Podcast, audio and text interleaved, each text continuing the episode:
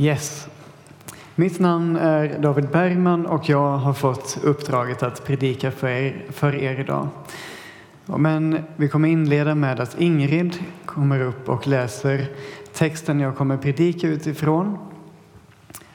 Så lyssna till det. Så ha gärna med din egen bibel om du har en med dig eller så och följ med i texten. Då ska jag läsa från Andra krönikeboken, första kapitlet och från den sjunde versen. Den natten uppenbarade sig Gud för Salomo och sa till honom Bed mig om det du vill att jag ska ge dig. Salomo svarade Gud Du har visat min fader David stor nåd och gjort mig till kung efter honom. Låt nu, Herre och Gud, ditt ord till min fader David visa sig vara sant. Ty du har själv gjort mig till kung över ett folk lika talrikt som stoftet på marken. Ge mig nu vishet och förstånd till att vara detta folks ledare och anförare. För vem kan annars vara domare för detta ditt stora folk? Då sa Gud till Salomo Eftersom du har ett sådant hjärta att du inte har bett om rikedom, skatter och ära eller om dina fienders liv och inte heller har bett om ett långt liv utan för din egen del bett om vishet och förstånd så att du kan vara domare för mitt folk som jag har gjort dig till kung över. Därför skall du få vishet och förstånd. Jag vill också ge dig rikedom, skatter och ära, sådana som varken kungarna före dig har haft eller någon kung efter dig kommer att ha.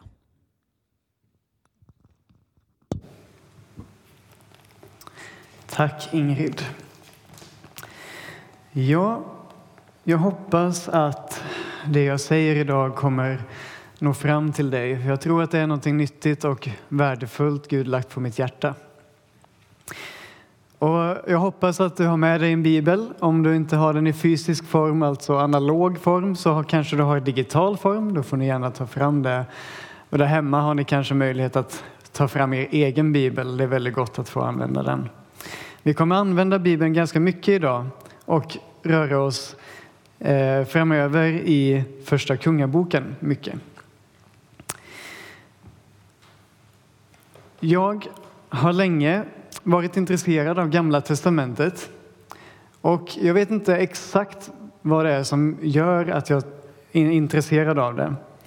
Det kan vara kanske att jag har en benägenhet att tycka om det som är lite mindre omtalat. I frikyrkan är det väldigt mycket prat om Jesus och Nya Testamentet, vilket är bra. Eh, men det kanske är en orsak till att jag gillar Gamla Testamentet. Kanske är det för att jag upplever mig få en större förståelse för Nya Testamentet genom Gamla Testamentet. Eller kanske är det precis som med norrländskan för min del. När jag var 18 år gammal insåg jag att jag tycker om norrländska väldigt mycket och så insåg jag att min farfar han pratar faktiskt norrländska. När jag sedan 24 år gammal på hans begravning fick lära mig av farmor att även han uppskattade Gamla Testamentet kanske det gick upp för mig att ja, jag har nog hört honom tala om det ganska många gånger. Förmodligen är det en kombination av detta som gör att jag uppskattar Gamla Testamentet.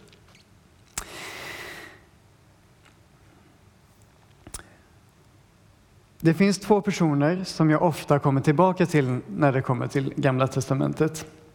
Och det är särskilt kung David och hans son kung Salomo. Kung David fascinerade mig förmodligen för att han hade ett väldigt spännande liv samt att han hade författat stora delar av Saltaren, vilket jag fick eh, tilltal från när jag var väldigt ung. Salomo han fascinerade mig på grund av att han författat stora delar av Ordspråksboken, men också på grund av det här stycket vi just hörde. Ursäkta, kan jag få mitt vatten som var där nere? Jag glömde att ta med det upp.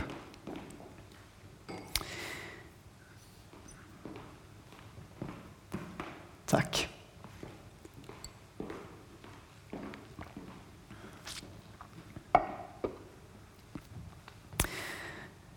Yes. Första gången när jag hörde detta stycket så var det på en predikan. Jag var nog en ung tonåring, 13 år gammal högst.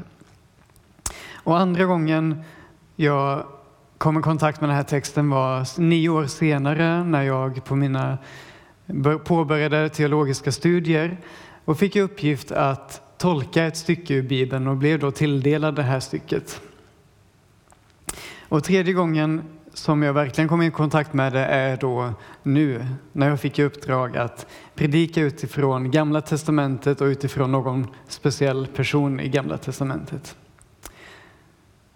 Jag kände vilken glädje att bli tilldelad Gamla testamentet och någon speciell person. Jag hoppas att jag kan få ge er någon sorts nyfikenhet för Salomo.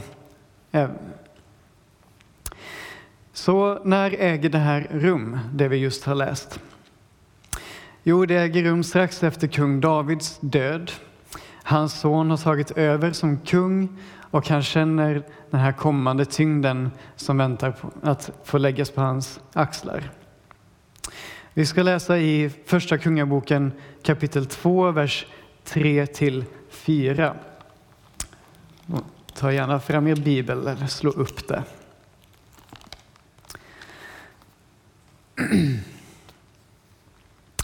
Då står det så här. Håll fast vid vad Herren din Gud befallt dig så att du vandrar på hans vägar och håller hans stadgar, hans bud och föreskrifter och vittnesbörd så som det är skrivet i Mose lag.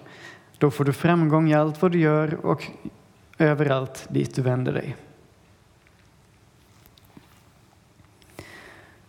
Så att Herren kan uppfylla det ord som han talade om mig då han sa om dina barn ger akt på sin väg så att de vandrar inför mig i trohet av hela sitt hjärta och av hela sin själ.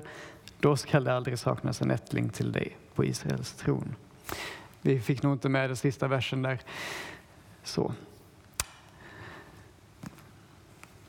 När jag första gången hörde talas om det här, när någon läste upp Salomos bön, så tänkte jag Wow, det där måste ju vara nyckeln.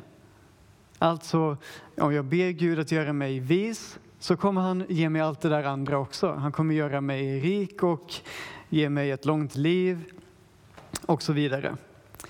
Jag vet inte om jag tänkte exakt så, men jag tänkte ändå att vishet måste vara någonting speciellt eftersom Gud blir så glad över Salomos bön.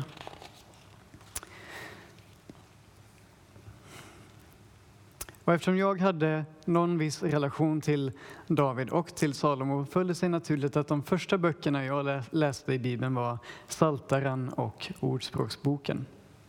Hoppet om att bli vis och vinna Guds rika välsignelse var stor. Men förmodligen är inte visheten egentligen svaret. Vi ska läsa ungefär samma text eh, en gång till, inte riktigt lika långt och inte på samma ställe. Utan vi kan slå upp Första Kungaboken vers, eh, kapitel 3, vers 9 till 10. Jag kommer läsa det ut ur eh, Bibel 2000s översättning först. Då står det så här. Ge din tjänare ett lyhört sinne så att jag kan skipa rätt åt ditt folk och skilja mellan gott och ont. Vem skulle annars kunna döma över ditt väldiga folk? Denna bön behagade Herren. Det gladde honom att Salomo bad om detta.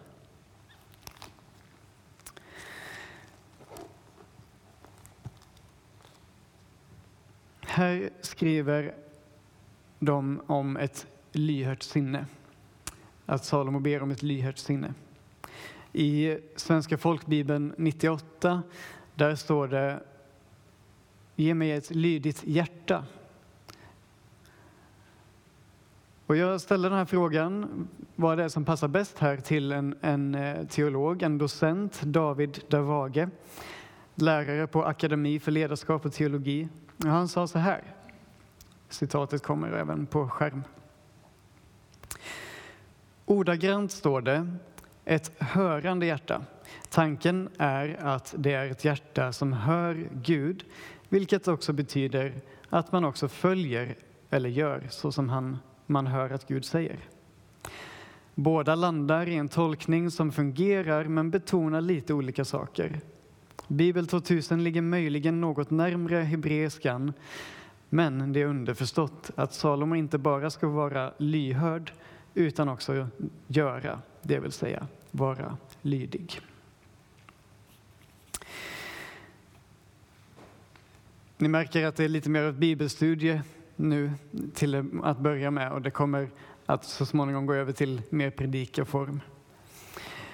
Men om vi läser texterna då från Första Kungaboken och Andra krönikeboken och i skenet av Israels historia fram till den här punkten är det kanske lättare att förstå Guds glädje över Salomos önskan. Israel har varit ett ganska problematiskt folk i förhållande till sin relation till Gud. När de mötte något motstånd, ja, då glömde de lätt allt som Gud gjort för dem och vände sig bort från honom. De var upproriska och otåliga när de upplevde att Guds svar dröjde eller inte passade dem. Och de ville inte heller ledas på det sätt som Gud ville leda dem. De kunde se på sina grannländer och se att ja, men de har kungar, vi har profeter, vi har haft domare, men vi vill ha kung också. Vilket Gud sedan gick med på. Så i skenet av Israels historiska beteende gentemot Gud kan jag förstå Guds reaktion på Salomos bön om ett lyhört hjärta. Guds respons på Salomos önskan var välsignelse. Salomo erkänner att han inte klarar detta på egen hand och ber Gud att göra honom lyhörd för Guds tanke, vilja, vägledning. Om vi läser texterna från Kungaboken och från Krönikeboken kan man anta att vishet och ett lyhört hjärta gentemot Gud är synonymt med varandra. Gud håller sitt löfte och gör Salomo oerhört rik och vis. Länderna runt om Israel högaktade Salomo för den insikt och kunskap han ägde. Det står att kungar och drottningar från andra länder besöker honom för att få ta del av hans, den vishet som Gud välsignat Salomo med. Drottningen av Saba sa till exempel att hon inte ville tro allt det som sades om Salomo förrän hon fick se det. Och att när hon väl fick se det insåg hon att det som sades inte var, räckte till hälften. Men Salomo hade också sina brister som vi kan läsa i kapitel 3 och 11. Kommer ni ihåg vad kung David sa till Salomo innan han dog? Kortfattat så sa han Håll fast vid vad Gud har befallt dig, då får du framgång i allt vad du gör. Vi läser ett par verser från kapitel 3 igen. Första Kungenboken kapitel 3. Nu läser jag ur Svenska folkbibeln. Vers 2 och 3.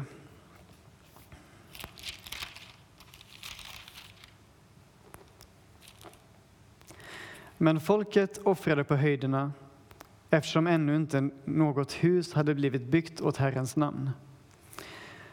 Salomo älskade Herren och följde sin fader Davids stadgar utom det att han offrade på höjderna och tände rökelse där. Det låter kanske lite motsägelsefullt att eh, folket offrade på höjderna eftersom det fanns inget annat hus eller tempel att göra det i än. Och sen säger, vi, säger Bibeln att Salomo följde allting förutom att han offrade på höjderna. Men senare, några kapitel senare kan vi läsa om att han får det här templet byggs och Gud gör det till sin boning och säger att från och med nu är det det här som gäller. Men Salomo väljer fortfarande att offra på höjderna. Och sen kan vi läsa i kapitel 11. Ska vi se så att jag inte tappar bort mig själv här bara. Nej, precis. Kapitel 11. Detta handlar om Salomos fruar. Han hade många. Det hörde till det, alltså hans fruar, hörde till folk som Herren hade talat om och sagt till Israels barn, ni skall inte gå in till dem och det inte till er, eftersom det kommer att förleda era hjärtan och följa till att följa deras gudar. Till dessa höll sig Salomo och älskade dem. Han hade 700 förstliga gemåler eller hustrur och 300 bihustrur. Och dessa kvinnor förledde hans hjärta. När Salomo blev gammal förledde kvinnorna honom att följa andra gudar så att hans hjärta inte förblev hängivet Herren sin Gud som hans fader Davids hjärta hade varit.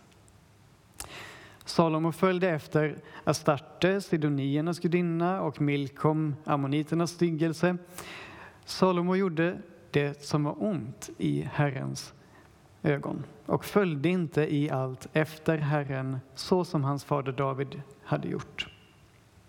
Salomo byggde då en offerhöjd åt Kemors, moabiternas styggelse, på berget öster om Jerusalem och likaså en åt Molok, ammoniternas styggelse. På samma sätt gjorde han för alla sina utländska kvinnor som fick tända offereld och offra åt sina gudar. Herren blev vred på Salomo därför att hans hjärta hade vänt sig bort från Herren, Israels Gud, som två gånger hade visat sig för honom.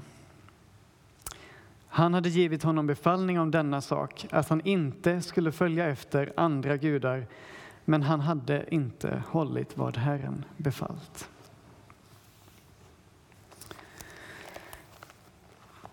Lång text. Tack för att ni följde med i den. Och det är nu jag försöker gå över här från bibelstudie eller föreläsningsform till mer predikoform. Det är nu vi väver in det här personliga som tilltalar oss.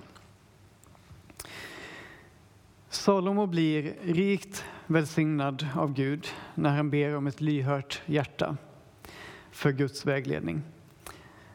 När jag började läsa Saltaren och Ordspråksboken i hopp om att bli vis, ja, då kanske jag missade några saker. Åtminstone tre.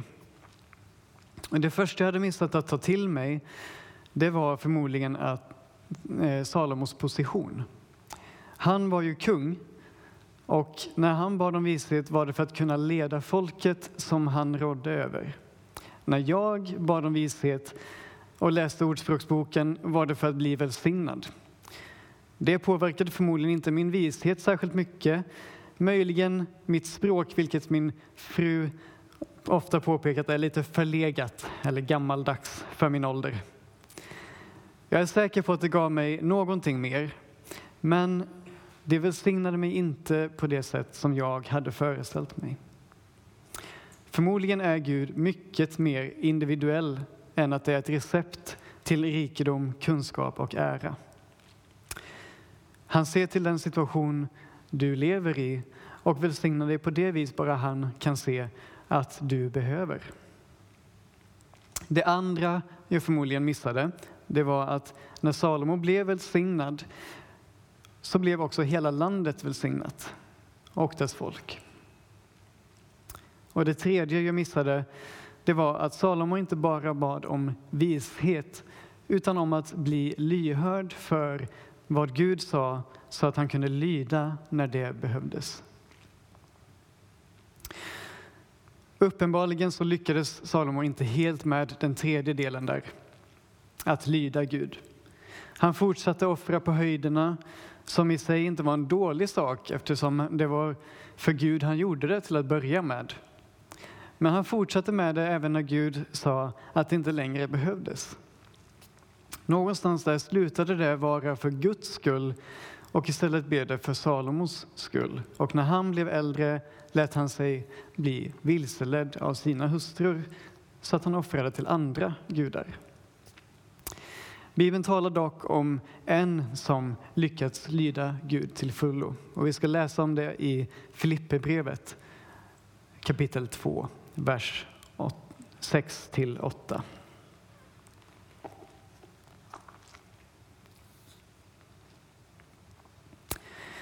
Där står det så här. Fastän han var till i Guds gestalt räknade han inte tillvaron som Gud såsom segerbyte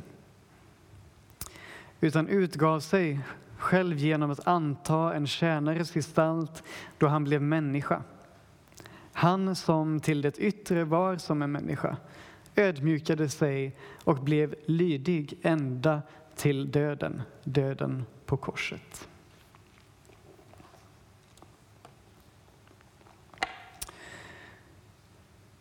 Jesus han kastade undan sin vilja, sin egen vilja för att genomföra den plan Gud hade.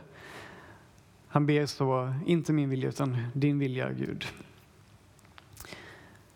Och så säger man, då kanske du säger, ja men han offrade sig och dog, innebär det att jag också måste dö? Eller vad? Och jag skulle vilja lägga till ett perspektiv att jag tror att Salomo fick offra sig eller göra uppoffringar som kung och inte bara leva lyx hela tiden. Det innebar ju också ett ansvar och var förmodligen inte alltid en dans på rosor. Det kanske är någonting vi kan behöva påminna oss om ibland.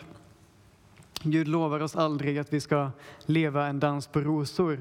Däremot så lovar han att vara med oss alla dagar till tidens slut och att ge oss frid när vi låter honom veta våra önskningar och behov. Vilket vi kan läsa om i kapitel 4 i Filipperbrevet. Men till sist så vill jag ställa frågan, eller några frågor, två kanske tre. Vilka är dina offerhöjder? Och vilka är dina hustrur? Och med offerhöjd då menar jag såklart att vad är det Gud vill påminna, påminna dig om att lämna? Lämna bakom dig. Någonting som har varit gott, som har varit bra, som tidigare varit en hjälp kanske för din relation med Gud, men som nu riskerar att ge dig någon sorts falsk trygghet när Gud ber dig att komma vidare. Gud vill ha kontakt med dig och Jesus gör det möjligt, fullt möjligt genom sitt offer på korset. Vilka är dina hustrur? Alltså, vilka är de människor eller kanske faktorer som riskerar att leda dig bort från Gud istället för till honom? som kanske riskerar att göra någonting som var gott till någonting som får bli någon sorts falsk trygghet och någonting som gör att du sätter din tilltro, ditt hopp till någonting annat än Gud. Be Gud om hjälp att identifiera de här sakerna. Be honom hjälpa dig att lämna det bakom dig. Ta hjälp av någon annan som kan be för dig och be för varandra. Och kom ihåg Salomos bön om vishet och lydnad. Hans lydnad räckte till välsignelse för hela Israel. Jesu lydnad räckte till välsignelse för hela mänskligheten. Vilken välsignelse vill Gud ge dig och genom dig till dem runt omkring dig? Jag avslutar med en bön som jag formulerade i mitt arbete när jag skulle tolka den här texten på de teologiska studierna. Herre, du ser våra hjärtan mer klart än någon annan. Forma dem att behaga dig och hjälpa oss att följa dig. Jag ber dig att välsigna oss med vishet och förstånd så att vi alltid kan vandra på din väg och hålla oss nära dig. Tack för att du med glädje och välsignelse närmar dig den som närmar sig dig och tack för att du är trofast i allt du gör. Hjälp oss att med allt vi gör visa på vem du är. Amen.